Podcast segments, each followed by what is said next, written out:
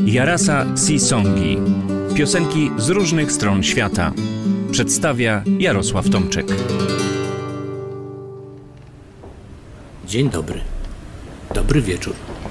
Nie wiem, na jakich długościach geograficznych mnie słuchacie, więc może po prostu ahoj. Skończył się właśnie styczeń.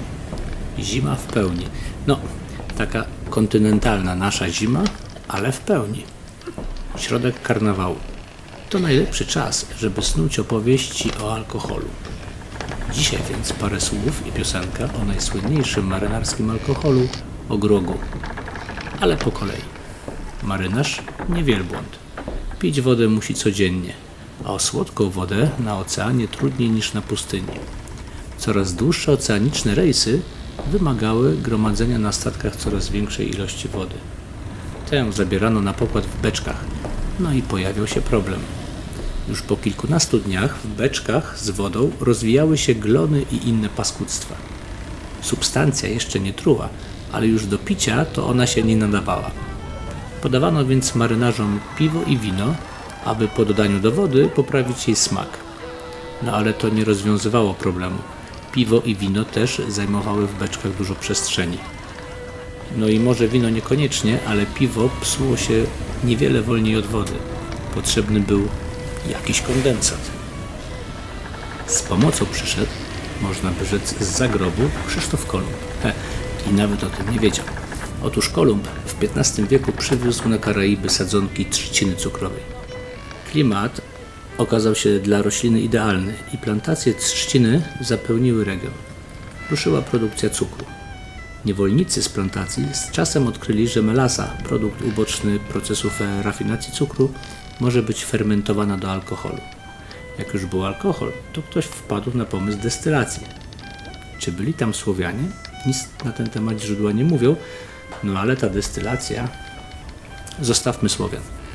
Destylacja pozwoliła usunąć z alkoholu zanieczyszczenia i znacząco podnieść jego moc.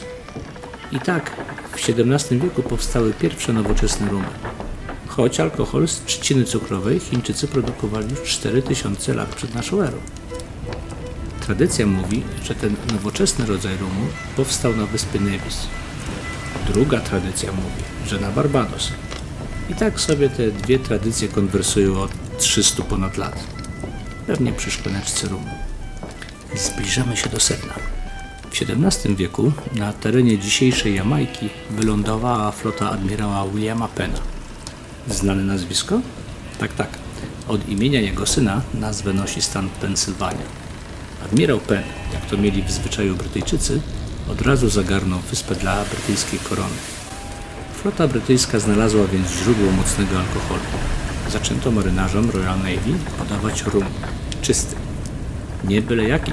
Przez 350 lat raczono marynarzy rumem Passera, blendem pięciu najlepszych rumów z Demerary i Trinidadu. Rozwiązano jeden problem, ale natychmiast pojawił się kolejny, no jak to przy alkoholu. Racje rumu nie były duże. Dziennie marynarz dostawał w dwóch porcjach pół pinty alkoholu. To jest około 280 ml, taka duża szklanka. Ale spryciarze potrafili przez parę dni zbierać i ukrywać przed oficerami zapasy, żeby potem upodlić się skumulowaną dawką. Proceder był na tyle częsty, że zagrażał dyscyplinie na pokładach Royal Navy. Trzeba było znaleźć rozwiązanie. W 1740 roku problem rozwiązał admirał Edward Vernon.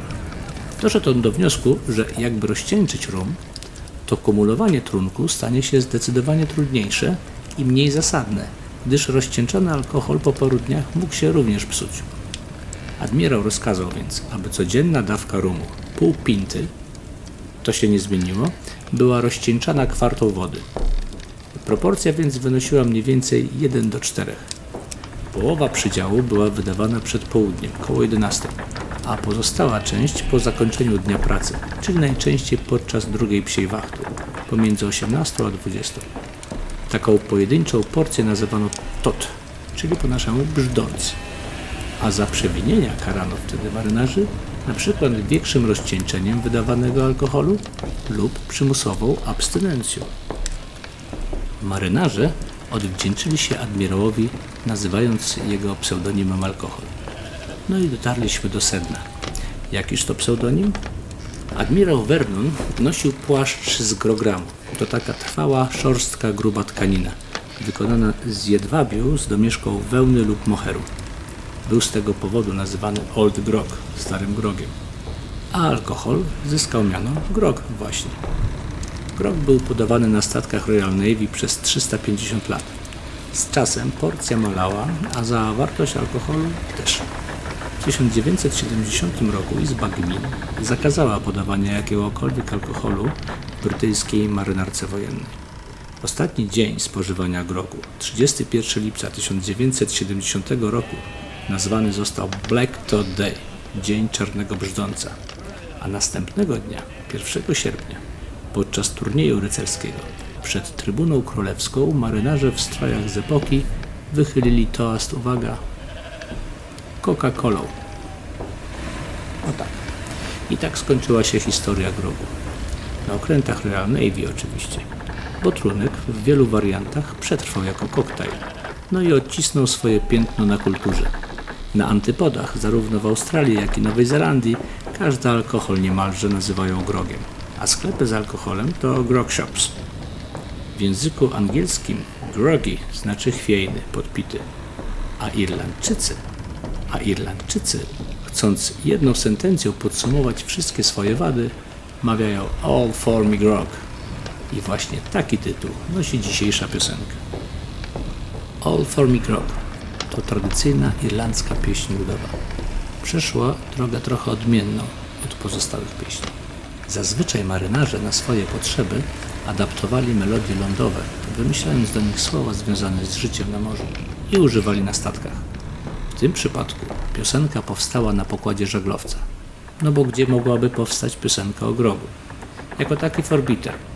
A następnie zeszła ochoczo po trapie na suchy ląd i opanowała wszystkie irlandzkie i nie tylko puby.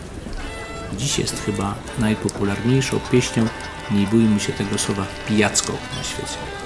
Na wyspach mówią drinking song. No to kto nam najpiękniej zaśpiewa pijacką pieśń? Oczywiście, że Ferajna Brodaczy z Dublina.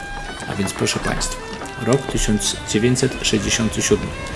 Kieran Berg, John Shane, Bernie McKenna, Luke Kelly i Ronnie Drew, czyli The Dubliners i All For Me Grog. Posłuchajcie, Sail Home.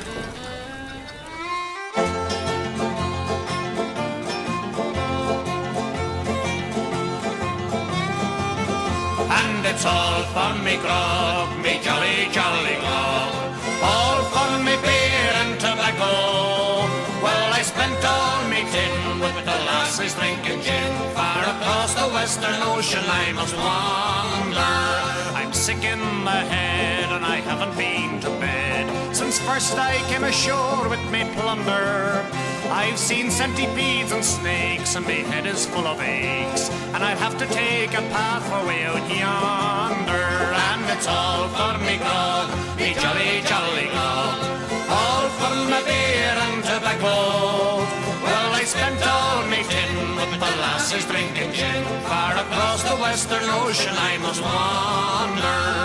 Where are me boots, me noggin noggin boots? They're all sold for beer and tobacco.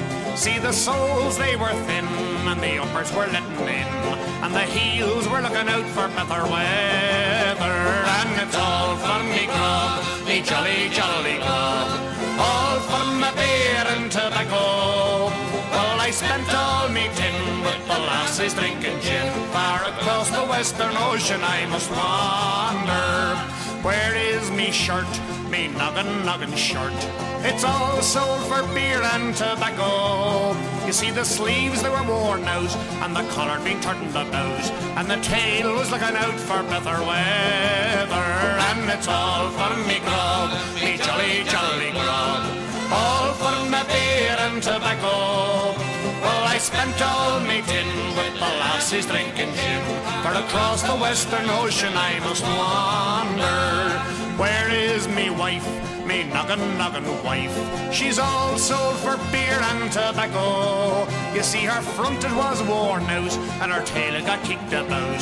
And I'm sure she's looking out for better weather. And it's all for me grog, me jolly jolly grog. All for my beer and tobacco. Well, I spent all me tin molasses drinking gin. Far across the western ocean I must wander. Where is me bed, me noggin, noggin bed? It's all sold for beer and tobacco. You see, I sold it to the girls to the springs are all in twirls, and the sheets they're looking out for better weather. And it's all for me grog, me jolly, jolly grog. All for me beer and tobacco.